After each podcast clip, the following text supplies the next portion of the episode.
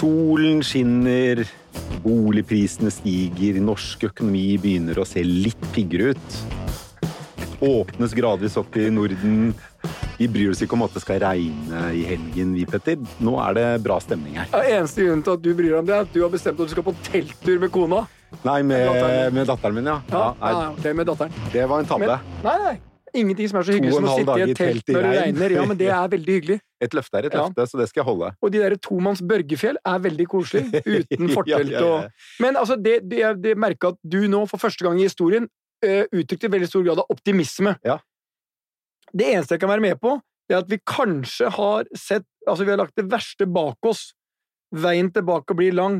Vi har jo to fremragende personer i studio i dag, så jeg tror ikke de kommer til å si at nå er det full fres og gassen i bånn og eh, sånt noe. Jeg tror vi kommer til å høre om BNP-fall som vi kanskje aldri har sett maken til i norsk og nordisk historie, og at det kommer til å ta lang tid, høy arbeidsledighet. Så for første gang må jeg korrigere din litt overoptimistiske start her. Hvem hadde trodd det? At kanskje det bor en optimist i meg likevel? Nei, men altså, det vi kan være enige om Jeg tror det verste ligger bak oss. Ja. Men det betyr at jeg tror også det er en lang vei tilbake, og det er jo fortsatt mange problemer. De eh, gikk jo hardt ut og sa ja, nå har vi åpna til Danmark. Mm. Og så kom dette på etter komma, med en liten justering. Kan ikke dra til København. Nei, ikke København. Men da kan jeg opplyse at da kan du i hvert fall bo i Tårnby kommune, som ligger rett ved flyplassen. Ja. Så kan du dra inn til København. Det tar deg bare 15 minutter.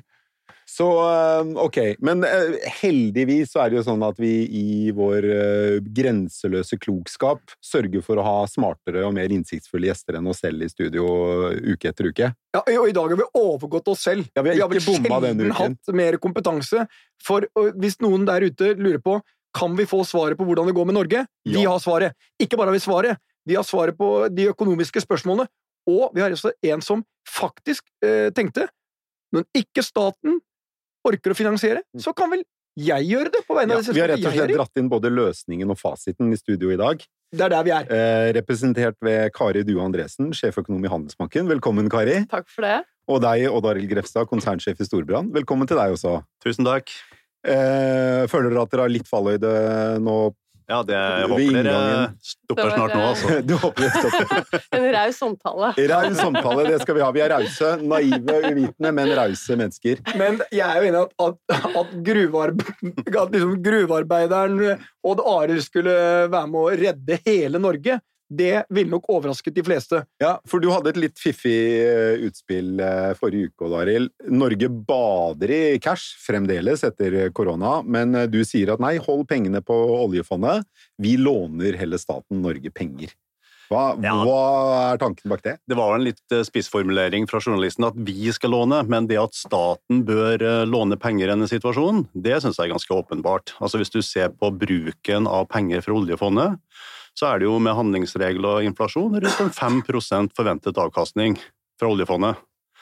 Hvis du låner penger i dag, så kan du låne penger i 10-20-30-40 år til under 1 rente. Mm. Hvis du tar forskjellen på det der, bare med det de har brukt nå på rundt en 500 milliarder, altså kan du tjene en 20-25 milliarder i året. Mm. Og når du begynner å gange opp det der, blir det utrolig mye penger vi som eh, samfunn kan tjene på å lånefinansiere med lav rente, i stedet for å bruke penger som faktisk gir en høyere avkastning. Så ditt argument er hvis det eksempel kom, hvis, eh, hvis jeg var i den lykksalige situasjonen at jeg hadde ingen gjeld, men eh, en hel haug med penger på aksjefondet, og så trengte jeg plutselig litt penger, så ville ditt råd til meg vært vet du hva, ikke selg aksjefondene dine, ta heller opp litt lån, for nå Ja, koster I hvert fall hvis du hadde evighetens perspektiv på de pengene Ja, i aksjefondet. Nei, men det har Norge. Det har Norge. er for fremtidige Det- det- det- det- generasjoner. Han er veldig kortsiktig.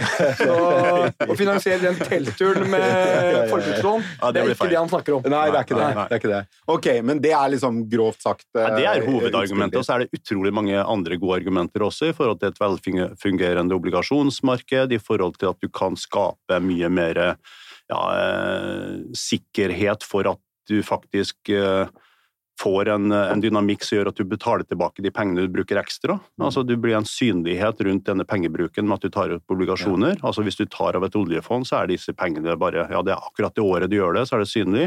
Året etterpå så er det bare litt mindre på det oljefondet, som er kjempestort Mens et lån, selv om renten er lav, biter jo rett inn på statsbudsjettet. Du ser at det er noe som ligger der, som skal betales tilbake, og vår generasjon må ta vår regning. Hva tenker du om det, Kari? Jeg tenker at det er jo smart å gjøre det som har minst kostnad, kanskje. Dette her er jo noe som eventuelt må opp i Stortinget. Eh, per i dag så har vi et veldig lite statsobligasjonsmarked. Det er bare til å skaffe staten likviditet, egentlig. Så da måtte vi jo gjort om på det. Jeg tror kanskje frykten vil være at du, hvis du nå åpner for eh, utstrakt eh, utstedelse av statsobligasjoner, så kan det være litt fristende for enkelte politikere, men man måtte jo i så fall lagt noen begrensninger da på hvor mye penger staten skal kunne bruke uansett. Mm. Nå, vi, nå, og det må jeg si at jeg er jo helt enig i, og jeg tror eh, jeg hører noen ganger sånne argumenter om at ja, men det blir litt komplisert. Altså, vi som enkeltpersoner klarer jo både å ha et boliglån og litt penger på en bankinnskudd eller en aksje. Jeg tror at uh, jeg tror Finansdepartementet klarer å håndtere det. Ja. og Hvis de da utsteder statsobligasjoner og ser det sammen med det de trekker fra oljefondet, så kunne de jo bare tenke at en handlingsregel fortsatt skal gjelde på totalen av dette. Så dette klarer de å håndtere. Mens poenget ditt, Kari, det er da at uh, hvis, hvis, jeg låner penger, så må jeg i hvert fall sørge for at jeg ikke selger aksjefondet også. Ja, jeg mener bare at uh, det vi må sørge for, er at ikke staten bruker uvettig mye penger. Ja. Sånn at det, det, mer statsobligasjoner er liksom ikke en eh, blanko til å bruke mer penger. Nei. Det er eventuelt bare en annen måte å finansiere utgiftene på. Du, mye penger er jo noe staten har brukt i det siste. Eh, koronakrisen har jo gjort at myndighetene har sett bort fra alle handlingsregler knyttet til oljefondet, pøser ut milliarder av kroner til ulike deler av norsk næringsliv eh, som sliter. Noen, eller mange, som følge av korona. Andre kanskje mer som følge av liksom, det generelle eh, fallet i, i, i, økonomien. Mm -hmm. um, du var jo ganske tidlig ute og var kritisk til en del av de tiltakene norske myndigheter eh, iverksatte, og en del av de tiltakene norske myndigheter varslet at de kunne komme til å iverksette mm. for å i, liksom, begrense korona. Kan ikke du si litt mer om det? Jeg må kanskje presisere litt, fordi det jeg var kritisk til, det var disse scenarioene som eh, FHI tegna opp ganske tidlig i prosessen, og hvor regjeringen da gikk for det eh, scenarioet sånn som det var beskrevet, som et slå ned eh, viruset, og sånn som det var beskrevet ganske tidlig i fasen, så innebar det omfattende lockdown av norsk samfunn over lang tid. Og mitt poeng da var at dette her kommer til å koste, totalt sett, samfunnsmessig og økonomisk, mer enn det du vinner på det, eh, potensielt. Hvis vi må ha lockdown over lang tid, så er det en fare at eh, du knekker hele økonomien, og det var egentlig mitt poeng. Nå har vi jo kommet i en situasjon hvor smitten er under kontroll, og hvis den ikke blusser opp igjen, og vi kan ha en sånn nesten normal situasjon, så kan jo dette gå relativt greit. Da vil det ikke bli det skrekkscenarioet som jeg liksom tegnet konturene av mm. Eh, tidligere her, da. Men hva ser du eh, forventet BNP-utvikling i år?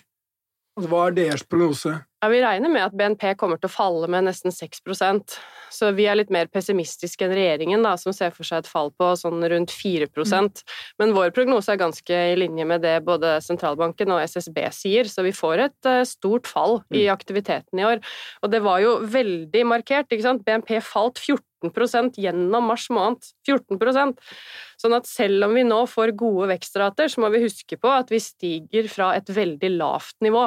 Og det er jo det jeg også har sagt, at vi, vi står antageligvis overfor et permanent velferdstap. Og det betyr at alle blir litt fattigere, eh, alle og enhver, eh, enn det vi hadde vært uten denne krisa. Men eh, du representerer jo en bank som har sitt hovedkontor i Stockholm. Yes. Den kanskje mest konservative eh, av de svenske storbankene.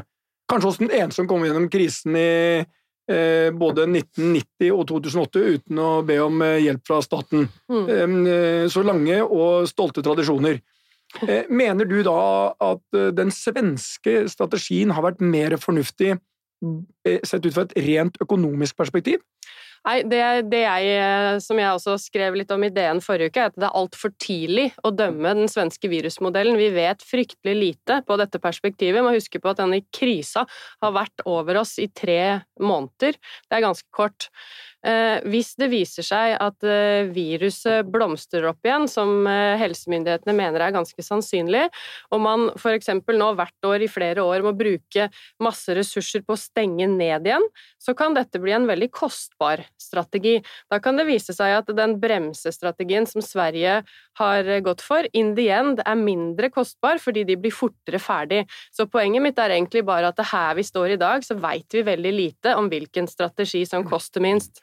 Ja, De går jo da for det de kaller flokkimmunitet. Nei, de gjør ikke det. De gjør ikke det. Nei, det var, De sa det tidlig i starten, men nå har de sagt at flokkimmunitet det tror de vi bare oppnår med en vaksine. Men det de sier, er at eh, jo flere som blir immune, desto saktere sprer viruset seg. Så det de sier nå om det som skjer i Stockholm, er at antagelig har så mange i Stockholm nå hatt sykdommen at det derfor sprer seg saktere, og dermed så er epidemien på vei ned i Stockholm, men den kan jo være på vei opp andre steder i Sverige. Men det er vel også litt sånn, eh, hvis vi ser på det, så er det den tredje pandemien vi har i, på 2000-tallet, dette. De to første har ikke spredd seg like mye, men med den reiseaktiviteten og det vi nå ser, så er det Ja, det er SARS og ebola. Ja, det er jo det, og det er klart at det kommer jo til å komme flere uh, etter covid-19 også. Uh, det å forvente at uh, pandemier blir en del av hverdagen vår fremover, mye hyppigere enn det vi har sett før, det må vi nok sikkert regne med. Og så tror jeg ikke vi kan stenge ned hele samfunnet hver gang det skjer. Så vi må på en måte leve med den type risiko som vi har her. Og da er det kanskje litt mer den svenske modellen og tenkningen rundt det man må videreutvikle, uh, i stedet for å stenge samfunnet hver gang det, det skjer. For, for, den måten vi håndterte koronaviruset er jo Jeg vet ikke om ebola og sars var rene pandemier, eller om det var med, liksom, kunne ha blitt det, men på 2000 Jeg tror det definerte definert å være pandemi, men det er klart det, det påvirker ikke oss like mye. Nei. I det 20. århundret så var det jo tre pandemier. Spanskesyken, og så var det vel en slutten av 50-tallet, og så var det en på slutten av 60-tallet. Eh, og i ingen av dem så var det jo den type økonomiske tiltak som vi har gjennomført nå i forbindelse med koronaviruset. Ehm, eh, hva annerledes, tenker du, Kari, rundt vår tids håndtering av en, pandemi? Ja, vi, vi, fikk jo eh, eksempler på hva som kunne gjøres fra Kina ganske tidlig. De stengte jo ned med ganske så drastiske tiltak og så ut til å få kontroll på situasjonen. Um, og det var jo det vi gjorde her også, på uh, råd fra helsemyndighetene. Um, men det var da ganske usikkert hvilken effekt det kunne ha, og hvor lenge man måtte holde på med dette her. Men nå også så har vi jo opparbeida oss helt andre, andre finansielle muskler uh, enn det vi hadde tidligere, mm. og uh, norsk økonomi Vi har jo masse penger på bok som vi kan bruke til å dempe utfallet i norsk økonomi. Mm. Du sa i stad at vi bryter handlingsregelen. Vi gjør egentlig ikke det, fordi at handlingsregelen sier at du skal bruke 3% over tid, mm. og du kan avvike når det er skikkelig ille, og det er det nå. Mm. Og det var jo fire for ikke så mange år siden, så øh, Men når det gjelder øh, Når dere ser liksom det store bildet her, kan vi komme i en situasjon hvor dette vil påvirke, selv om Og Arild har sagt at han vil gjerne låne ut penger. eh, så kan det påvirke og smitte også over på banksektoren, eh, sånn at vi eh, ser situasjoner vi hadde i 2008-2009? Eller er det ikke et sannsynlig scenario? Altså, Banken er jo, er jo på en måte førstelinjeforsvaret vårt for å mm. uh, finansiere bedrifter og mye småbedrifter. Mm. Um, og hvis de stopper opp og tilfører likviditet til markedet, så tror jeg vi er i en situasjon hvor arbeidsledigheten kommer til å nå høyder vi aldri trodde vi skulle se. Vi, vi, lærte jo noe etter finanskrisa, ikke sant? og det var at bankene måtte være bedre kapitalisert for å kunne motstå kriser. Um, I boligmarkedet så har husholdningene også blitt tvunget til å bli mer solide gjennom regelverk, og bankene hadde eksempel en sånn motsyklisk kapitalbuffer som de kunne tære på, som jo nå har blitt satt ned. Så bankene er bedre rusta nå uh, til å takle et fall i aktivitet enn det de var i 2000 7, 8, 9. Og i finanskrisa så kom jo også problemet egentlig fra banksektoren i USA og masse råtne lån. Nå så er jo bankene godt kapitalisert og solide, så det som eventuelt blir et problem, er jo hvis eh, de realøkonomiske tapene blir veldig store. Men nå har jo sentralbankene stresstesta banksystemene sine og konkluderer med at dette skal gå bra. Så vi får jo håpe Men, det. Men Karim, jeg tviler ikke på at Handelsbanken og Storebrand og alle andre kommer til å komme gjennom, men vi er avhengig av at dere fortsatt låner ut penger, at butikken er åpen. Mm. Det jeg frykter, er at alt det som skjer nå, gjør at bankene blir nervøse, mm. og de stopper litt opp. Og underskogen av små bedrifter er ekstremt viktig for de nordiske landene. Og det er der jeg er redd at det, Ehm, stopper litt opp i kredittkommuniteten, det stopper litt opp for man mister litt troa på at disse bransjene klarer seg, eller disse bedriftene klarer seg ikke. Klart at bankene må jo drive kreditthåndverk, det Ja. er det som er eh, jobben deres. Men eh, jeg sitter jo i styret i Finans Norge og hører jo diskusjoner rundt dette. Jeg oppfatter at det er en bransje som er ekstremt opptatt av sitt samfunnsansvar i denne krisen som vi er inne i. De vet at myndighetene også har gjort noe med motsyklisk buffer etc. Og de vil virkelig støtte til næringslivet. Eh, Det er det de skal leve av fremover også. Så eh, dette er en vinn-vinn-situasjon. Så jeg er helt trygg på at de nordiske bankene de er godt kapitalisert, de har likviditet, de kommer til å stå gjennom eh, denne krisen på en veldig god måte. Det jeg er mer bekymret for, det er jo får vi aktiviteten i samfunnet opp igjen raskt nok? Altså Arbeidsledigheten er fortsatt skyhøy, i hvert fall når du tar med den midlertidige ledigheten som, som ligger der også. Eh, I storbrann har vi jo sett på eh, hva som skjer når personer er arbeidsledige over tid. Altså vi har jo en, I tillegg til høy arbeidsledighet i Norge så har vi jo nesten 10% av arbeidsstyrken som er utenfor arbeid som uføre også. Og det vi jo ser er jo at er du ute av jobb i en seksmånedersperiode, så er det nesten bare en 50% sannsynlighet for at du kommer tilbake til jobb.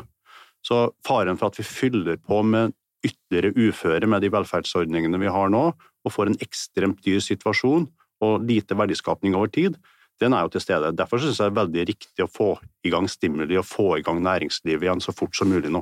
Hvordan har dere bare et lite delspørsmål. Når tror du, Kari, vi er tilbake til 2019-nivå? Altså, nå snakker vi Og da er det om høy arbeidsledighet, og jeg tror du har et veldig viktig poeng. At vi, vi er i en situasjon hvor aktiviteten kommer til å være vedvarende lavere, og det betyr en mye høyere andel kommer til å stå utenfor arbeidslivet. Og mange av de er de svakeste gruppene som Og alle utsatt som kommer inn. og unge. Så vi står i fare for å miste, ikke for å dramatisere, nesten en eh, halv generasjon unge mennesker. Jeg tror Når det gjelder sysselsetting og arbeidsledighet, så, så tror vi at det, det, at det kommer til å stabilisere seg på et høyere nivå enn det vi hadde. Registrert ledighet i Norge den pleier å ligge et sted mellom 2 og 2,5% Vi tror den kommer til å stabilisere seg på underkant av 4 eh, de nærmeste årene. Men sånn, hva gjelder aktivitet, så kan vi kanskje komme tilbake til 2019-nivå i løpet av et par-tre år, ville jeg tenkt.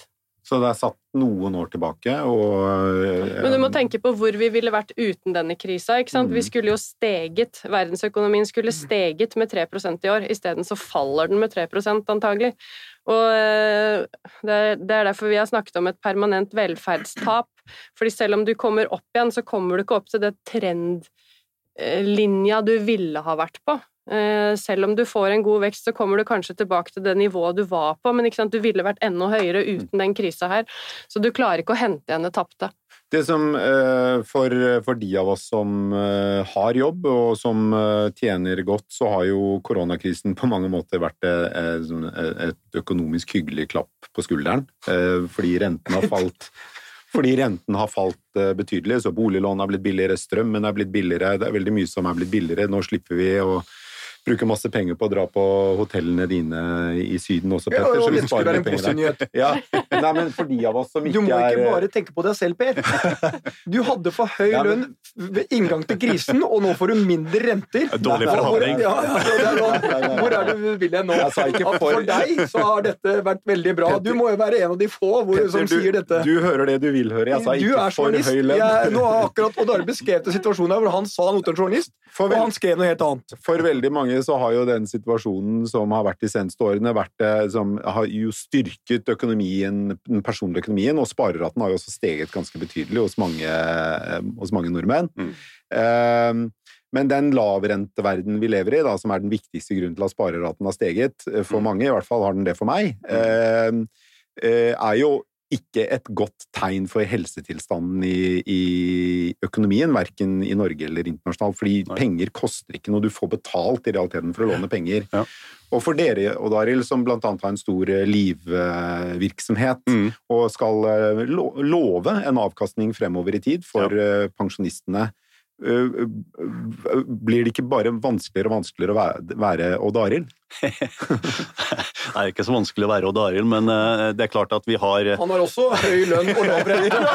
Jeg skal ikke klage. Vi tar sånn, eh, vi har ikke lov til å ta en fare, jeg sånn. glemte det. Sorry. Nei, men, men det er klart at vi, Dagens pensjoner er jo innskuddspensjon, der får du den avkastningen du får. Mens mm. den gamle pensjonsordningene, de ytelsesbaserte pensjonene og fripolisene, det har som du beskriver en garantert rente som faktisk ligger rundt en 3 Det er rimelig bra i dag. Mm.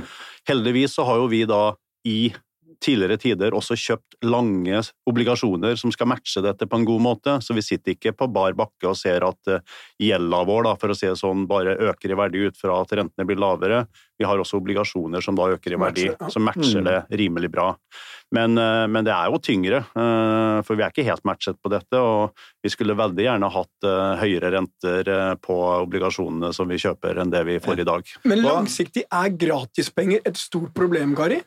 Vet du hva, Rentene er jo lave av flere grunner, men det er lav produktivitetsvekst i verden. Det er lav eh, befolkningsvekst. Realøkonomien stiger ikke noe særlig. Det er eh, flukt i trygge havner, og folk er eh, bekymra for framtida. I tillegg så kjører jo sentralbankene en politikk som gjør at det skal lønne seg å bruke penga og ikke spare dem. Det er hele poenget. Du skal ikke mm. spare penger, du skal ut og bruke dem, sånn at vi får hjula i gang igjen. Uh, og, og, tanken da med å sette rentene ned, det er jo nettopp at uh, det er gunstig for de som har lån. Du skal ta opp lån, og så skal du bruke det til konsum eller investering. Helst investering, da. Er du redd for inflasjon? Nei. Ikke i det hele tatt? Nei. Ja, men det trykkes jo masse penger. Altså, jeg, hadde ikke, jeg, hadde ikke, like mange år på skolen For som deg. For å få men... inflasjon, så må du ha opp etterspørselen. Du får inflasjon, og etterspørselen er høyere enn tilbudet. Ja, nå rister også Daleland Anna, ikke redd for inflasjon. Ja, nei, jeg, eh, jeg, er jo litt der du er. Altså, man har jo ikke sett det av ja, du, alle du, de Du ristet, men du nikket egentlig. Ja, jeg er litt med på resonnementet ditt, men, men, samtidig, jeg har ikke noe særlig belegg for det. Men fram til nå så har man jo trykket penger, man har satt ned renter, man har gjort ekstreme stimuli og tilført penger inn i banksystemet, og det har ikke ført til særlig inflasjon. Men det at du får en asset-inflasjon, altså at hus, eiendommer, den type verdier vil bli enda mer verdt, og at du får en inflasjon på assets fremover, det, det tror jeg kommer til å skje, altså. Ja, altså med null rente. På, da, bare, vi har gjort en liten analyse av boligmarkedet. Husholdningenes inntekt i Norge kommer til å stige mye mindre nå framover, fordi ledigheten kommer til å være høyere og lønnsveksten kommer til å være lavere. Så sånn sett så kommer det til å være mindre rom for å by opp boligprisen i Norge framover enn det det var før krisa. Men samtidig så utgjør renta en ganske stor andel, og hvis du har gratis penger jo, som Per beskriver Jo, men hvis du korrigerer for det, og ja. korrigere for den rentenedgangen og se på hva som er rimelig disponibel inntekt å forvente framover, så er den vesentlig svakere enn eh, før koronakrisa. Mm. Her prøvde jeg å skape en viss sånn jubel i, i rommet, men ja. Eh, er det Fordi sånn Petter og Daril eh, har jo litt den gamle tanken Eller ti, ta, nei, men, nei, men, hør meg ut nå, Petter. Eh, ikke gamle, beklager. Eh, den eh, klassiske, den klassiske tanken, ja. Om at hvis du, hvis du, bare trykker og trykker og trykker og trykker penger, så kommer eh, før eller siden en backlash der eh, volumet av penger i systemet er så stort at det tvinger frem inflasjon. Det er jo som, sånn det alltid har vært. Men er det Gjelder ikke den regelen lenger? Da må du spørre deg om hvorfor du får inflasjon med de penga. Det er hvis noen bruker de penga til å etterspørre varer og tjenester som det er knapphet på, sånn at du skyver opp prisene. Hvis ikke de pengene går til det, hvis ikke etterspørselen øker, så får du heller ikke inflasjon. Men hvis det er som i Danmark, da, at du faktisk får penger inn på konto hver måned for å låne, for å låne da er det jo bare begrensningen hvor mye du kan belåne deg, tenker jeg. Eh, du får jo rett og slett uh, betalt for å låne. Du får jo fasiten når du ser hvor, uh, hvordan konsumet utvikler seg, ikke sant? Mm. Hvis vi gjør et tankeeksperiment, da, sånn, ok, så kanskje ikke det kommer nå, men sånn si 15-20 år uh, down the line, mm. hva får denne voldsomme pengetrykkingen helt si, tilbake til 2008 å si? Tror du bare, pengene bare fisler ut og liksom spres jevnt og tynt utover i internasjonal økonomi? Ja, altså den, Det er jo da en pengebeholdning som er der, og som alle vet at er der, holdt jeg på å si. Er, eh, jeg, jeg, tror at dette kan gå helt fint. Det var jo sånn som eh, det var snakk om at eh, når Fed også opparbeider seg store balanser og sånn, så er dette et veldig stort problem. Det vi ofte ser, er at hvis ting er godt varsla, så foregår det i ganske greie former. Hvis det kommer et form for sjokk, så kan du få en eller annen sånn akselererende utvikling. Mm. Det jeg tror, er at hvis tilbud og etterspørsel utvikler seg omtrent i takt, så trenger ikke det å være et mm. problem. Men det er i hvert fall et poeng som jeg startet med her, da, det at eh, statene nå kan faktisk låne penger Gratis. til Ja, altså hvis du tar inflasjonen som tross alt er der, si at den er rundt en prosent, da, så er det negativ rente. Østerrike la vel ut en 100-års statsobligasjon for en stund tilbake. Låser inn, de låser inn penger i 100 år fremover. Hva var renten på det lånet? Altså, jeg tror ikke den var med mer enn en prosent. eller noe sånt. Ja. Altså, det, det er omtrent gratis penger. Eller, du, og du sikrer den kontantstrømmen nesten for evig. Mm. Det kan ikke bli gærent, Japan, altså. da, liksom kongene av pengetrykking. Mm. De klarer jo ikke å skape inflasjon. Og det har jo med forventningen i befolkningen, ikke sant? Fordi bedriftene betaler ikke ut noe særlig eh, lønnsvekst. Det er litt demografi også. Det selges jo flere bleier er til klart, eldre enn til yngre i eh, Japan. Da. Så. mm. Så vi skal ikke være bekymret. det vil jeg si. Altså, det var imponerende detaljkunnskaper om Japan. ja. Altså, her kom han rett inn fra venstresiden! Litt sånn fun fact. Ja, Ja. det der var Eller altså not so Ja, fun fact. Om Japan. det er faktisk sant. Det Ja. selges mye bedre ja, altså, bleier Jeg til tviler eldre i ikke et sekund på at det du sier, er sant. Ja, eh, eh, har vi null rente også om 15-20 år? Nei, det håper jeg ikke, holdt jeg på å si. Hvorfor håper du ikke det? Nei, fordi at det nullrente det er egentlig et eh, ja. sykdomstegn, ikke sant. Ja. Mm. Um, Det, det sentralbanken sier er en normal rente nå, hvis vi har den produktivitetsveksten vi har omtrent, så er det en normal rente i Norge på rundt 2 da. Styringsrenta fra sentralbanken, det er normalt. Ja, Så den er, eh, den er lavere enn før. Ikke sant? Det, det er sikkert eh, mange av dere som husker at renta var kjempehøy på 80-tallet. Det er ikke så innmari relevant. Mange av dere. Du mener to. av dere. jeg også tenkte at det der, der du, du gikk rett under bussen der, du også. Du har jo blått hår, men hun tenkte ikke på at det er stor alder for det likevel. Jeg kjenner mange skarpskodde økonomer som da låste renta på 13 Ja. Så Og jeg, økonomer tar alltid feil. jeg innrømmer at jeg bandt mye renter eh, når de var eh, 2,5% og sa til min finansdirektør Mats Kokk, som er en smart dude, sa Mats, kan det aldri bli negativ rente? Lite visste jeg da at, Ja, ja. det kunne skje. Vi hadde jo en Og vi lo begge to av det. Ja, vi hadde jo en pod hvor vi krangla så busta føyk om å binde renta. Jeg, jeg tenker at jeg kom best ut av den, Ja, sånn sett i vil si, eh, du navigerer jo stort sett etter speilen, eh, og du får stort sett alltid rett. Ja.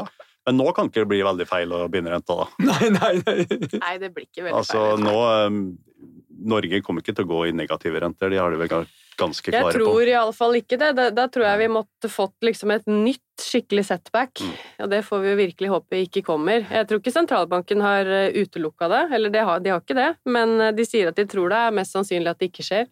Men eh, når vi snakker om det Norsk krone var for bare noen måneder siden Altså sånn Den var eh, altså, liten eh, valuta, lite volum, og ingen trodde på den. Nå går alle bankene og sier norsk krone er dritbillig. Jeg husker plutselig, jeg sitter jo i Danmark også, plutselig var eh, danskekrona 175 i forhold til norsk krone. Og jeg tenkte wow, og da var svenskekrona 110, liksom. Nå er vi tilbake på 103 og 143 eller noe. Hvor går den norske krona? Jeg tror eh, Vi hadde jo trodd at det var rom for litt styrking, men egentlig bare lite grann. Men det var basert på at eh, hvis oljeprisen begynte å stige litt, som den jo har gjort, og hvis eh, liksom, risikoviljen internasjonalt kom litt, tilbake, som den jo har gjort, så var det rom for at krona kunne styrke seg. Men jeg tror litt sånn i stort så må vi også tenke på at eh, oljealderen, eller i hvert fall de beste oljeårene i Norge, er nok bak oss. Og det gjør at krona antagelig er permanent svakere enn det den var før. Eh, og den hadde jo kommet opp til et sånn nytt nivå på liksom ti kroner mot euroen eh, før dette skjedde. Eh, jeg ser ikke for meg at vi skal noe under det, i hvert fall. Hva skal, øh, Nei, altså, jeg Jeg syns jo den er veldig svak. Jeg har i hvert fall valutasikra mine mm, aksjefond, for å si det på den måten. Ja. Valutasikret hva- i Ja, sånn at de, selv om det er utenlandske At jeg får da ikke en tap på at den norske kronen styrker seg. Nettopp. Ok. For det har jo skjedd nå. Altså, vi har jo hatt fantastiske gevinster av svekkelsen av den norske kronen. Eh, Så har man hatt aksjefond i utenlandsk valuta i år, så har man jo hatt en positiv avkastning på tross av det som har skjedd. Oljefondet? Oljefondet, ja. Eh, eh, Ok. vi, vi må prøve å runde av, men eh, jeg har lyst til å på tampen høre når Hvis vi da Vi har vel skjønt nå at den optimismen jeg prøvde å innlede med, den er det kanskje ikke helt grunnlag for, og ledigheten skal trolig opp på et høyere, eller bli liggende på et høyere nivå enn vi var vant til før korona. Men Nei, sa jeg oljeprisen? Jeg mente arbeidsledigheten. Men når tror dere at eh, økonomien er i vekst igjen her i Norge? Kan starte med deg, Odd Arild. Nei, altså jeg er jo, selv om det er veldig mange krevende forhold som man skal ta igjen nå, så, eh, så, så tror jeg at dette har vært en Du har aldri sett en så rask nedstengning av økonomien, en så rask resesjon som vi nå har fått. Og jeg tror at med de virkemidlene og tiltakene som myndighetene nå gjør, så tror jeg også vi, også vi kan få en faktisk ganske rask oppgang igjen. Mm.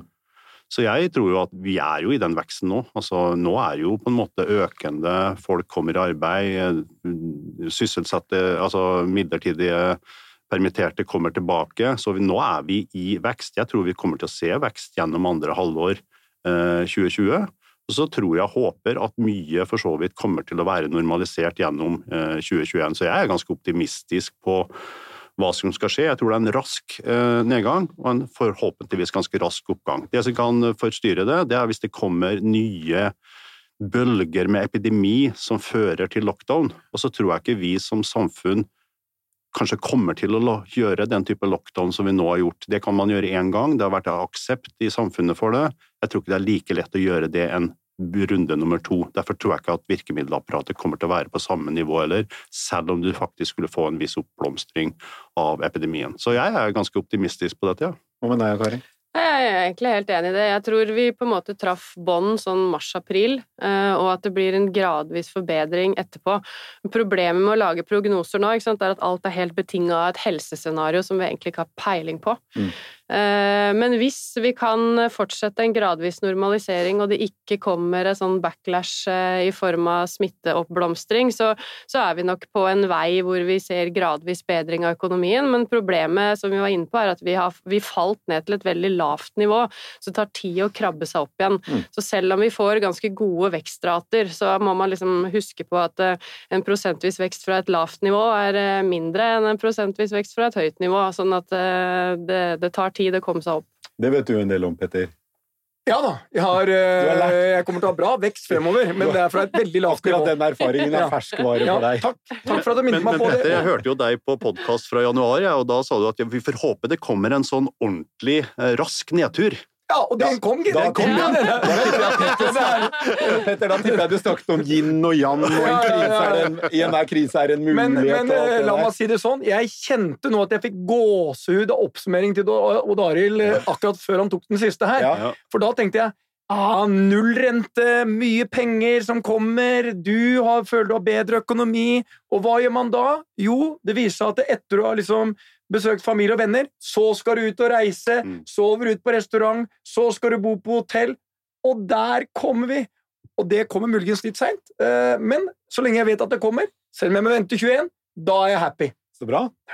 Nei, så jeg syns dette var en eh, veldig optimistisk avslutning eh, midt i en periode hvor social distancing nok fikk en ny betydning når vi fikk 26 grader i Oslo, og jeg fikk bilder fra strendene på huk og rundt forbi. Der hadde man nok glemt det lite grann. Mm. Så oppfordringen er vel, Per, gjør som oss er i stormkast. Vi står med god avstand eh, til hverandre. Vi hilser ikke, vi nikker og smiler, og vi har plast rundt eh, mikrofoner og altså, Så jeg, jeg, jeg Det er lov å si at det ser dust ut, men eh, det ser dumt ut, og jeg håper at eh, i løpet av en tre-fire podkaster til, så tar vi av plasten og kjører som vi gjorde før. Vi, eh, vi, vi må satse på det. Jeg tror altså eh, eh, Kom igjen nå, Per. Nei, jeg, jeg En tror at fossende avslutning klar, fra den legendariske redaktøren. Jeg klarer ikke det, fordi jeg- E24s stjerne gjennom eh, flere tiår. Oi! Nei, eh, men jeg tror jo at um, her og nå at det er, det er um, eh, liksom, Det er grunn til å tro at norske myndigheter ikke vil reagere på en oppblussing av korona igjen på samme måte som de gjorde tilbake i mars. Men jeg husker også 11. mars på ettermiddagen eh, at det var veldig vanskelig å se for seg at barnehager og skoler ville stenge ned. Det var nesten utenkelig. Det er ikke det vi trenger å gjøre. Og likevel så gjorde norske politikere det, til tross for en del helsefaglige råd.